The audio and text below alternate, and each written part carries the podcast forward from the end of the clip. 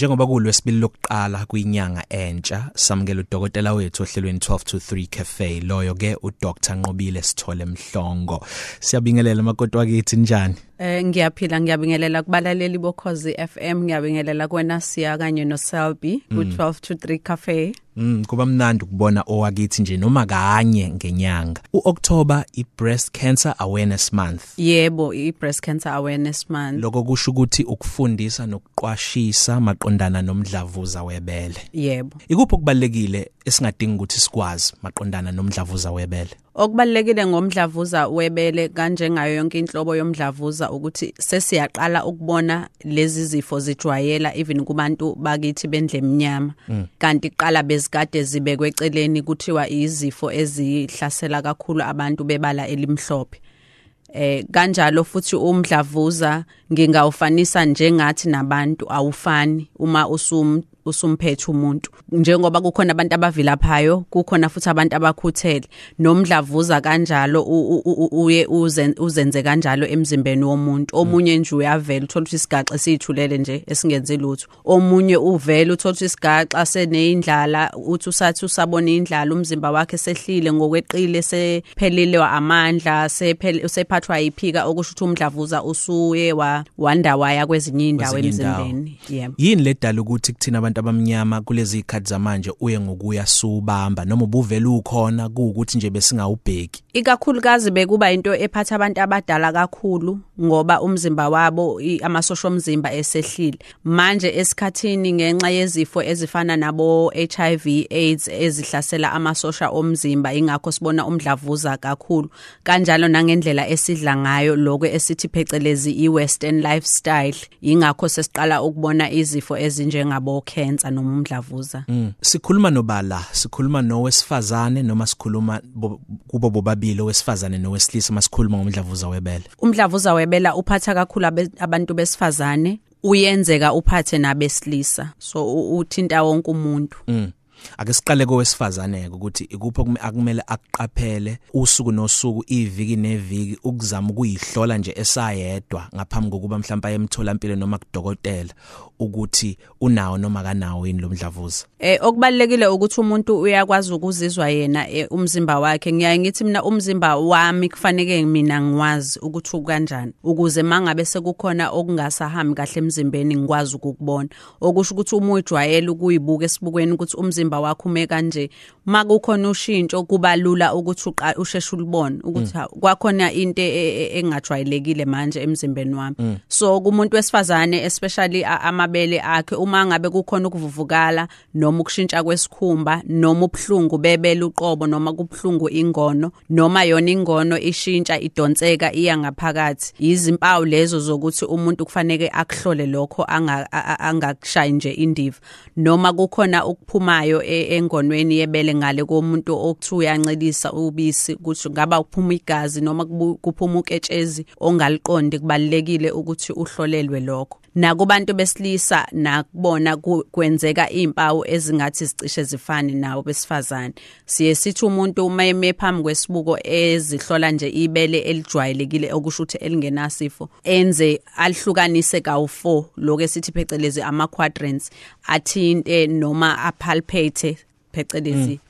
Ukuzwa ukuthi khona yini igaxa kube umkhuba nje esiujwayelayo loyo kuningi njoba sengibalulile okubonayo just by kuyibuka esibukweni ukuthi kukhona ushintsho olu olungajwayelekile ebeleni mm.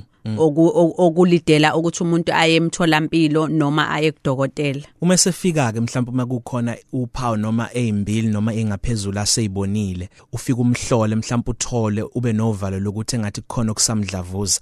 Isiphi isinyathelo ke sokuqala noma ezimbili niyithathe ukuthi asizakale? Eh kubalekile ukuthi siye njengoba si practice lo lo hlobo lokwelapha esithi olwasentshonalanga. Siye sithi senza i-evidence based medicine. Okusho ukuthi faneke kube nobufakazi. Uma kuneyintsolo zecancer umuntu uyayesiwe kwi-ultrasound emafutheni la khona udokotela ezohlola ukuthi isigaxa lesi siyini noma abanye benziwa ama-mammogram.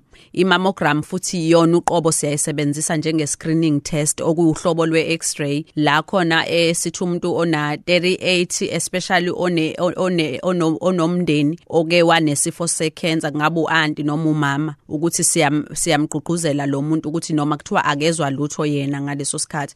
Ahambe ayo ayohlolwa ngoba ngesikhathi umuntu eqala ezwe isigaxa kwesinye isikhathi uthola ukuthi ihe- i-cancer isihambe kakhulu vele ukuze aqale nje akwazi ukuthinta ezwe noma ubuhlungu noma lezi impawu esizibalile kodwa lolu hlobo lwe-x-ray liyakwazi ukuthi lukhombise phecelezi ama-cells noma izakhamzimba lezi ezisebeleni ezikhombisa ukuthi zikhula ngendlela engajwayelekile okuzenza i-cancer. Okay.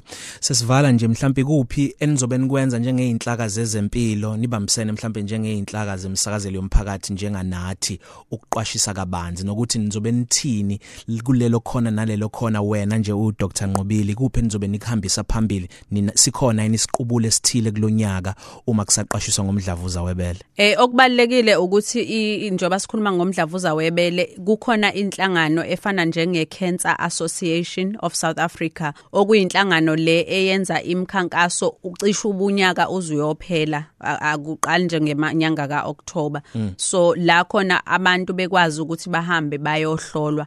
Isiza futhi kakhulu ke nabantu okuthiwa setholakele manje ukuthi une cancer so ukuthi bamcathulise lo hanje ohambeni lakhe lokwelashwa kuze kube uye uyelapheka. So okubalekile esikudlulisayo kulenyanga ukuthi icancer umuntu iyalapheka iphele uma itholakale kusasesikhathini esi-early noma isheshe yabanjwa. So yilokho okubalekile ukuthi i-cancer noma umdlavuza uma ubanjwe nje kusa-early uyelapheka umuntu aphile impilo engenawo umdlavuza. Yilokho esi- esigcizelelayo ukuthi umuntu akahlolwe abantu besifazane abahlolwe especially labo othola ukuthi kune-family history noma kukhona oke wathintwa isifo somdlavuza.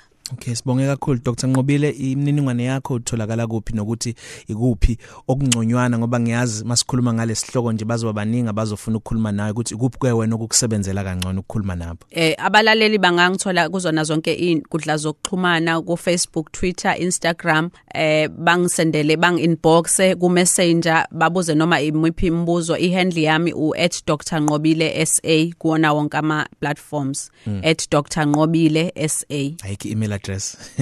Eh i- email address nginayo ithi eh drsithole@hotmail.co.za Dr Sithole at hotmail yes or not dr okay. Yes. So ngingaresponda nakhona lapho ku- kubalaleli. uDr Nqobile Sithole Mhlongo makoti wakithi elangeni. Sibonge kakhulu kuba nawe namhlanje ngiyabonga nami ukuba ingxenye yohlelo.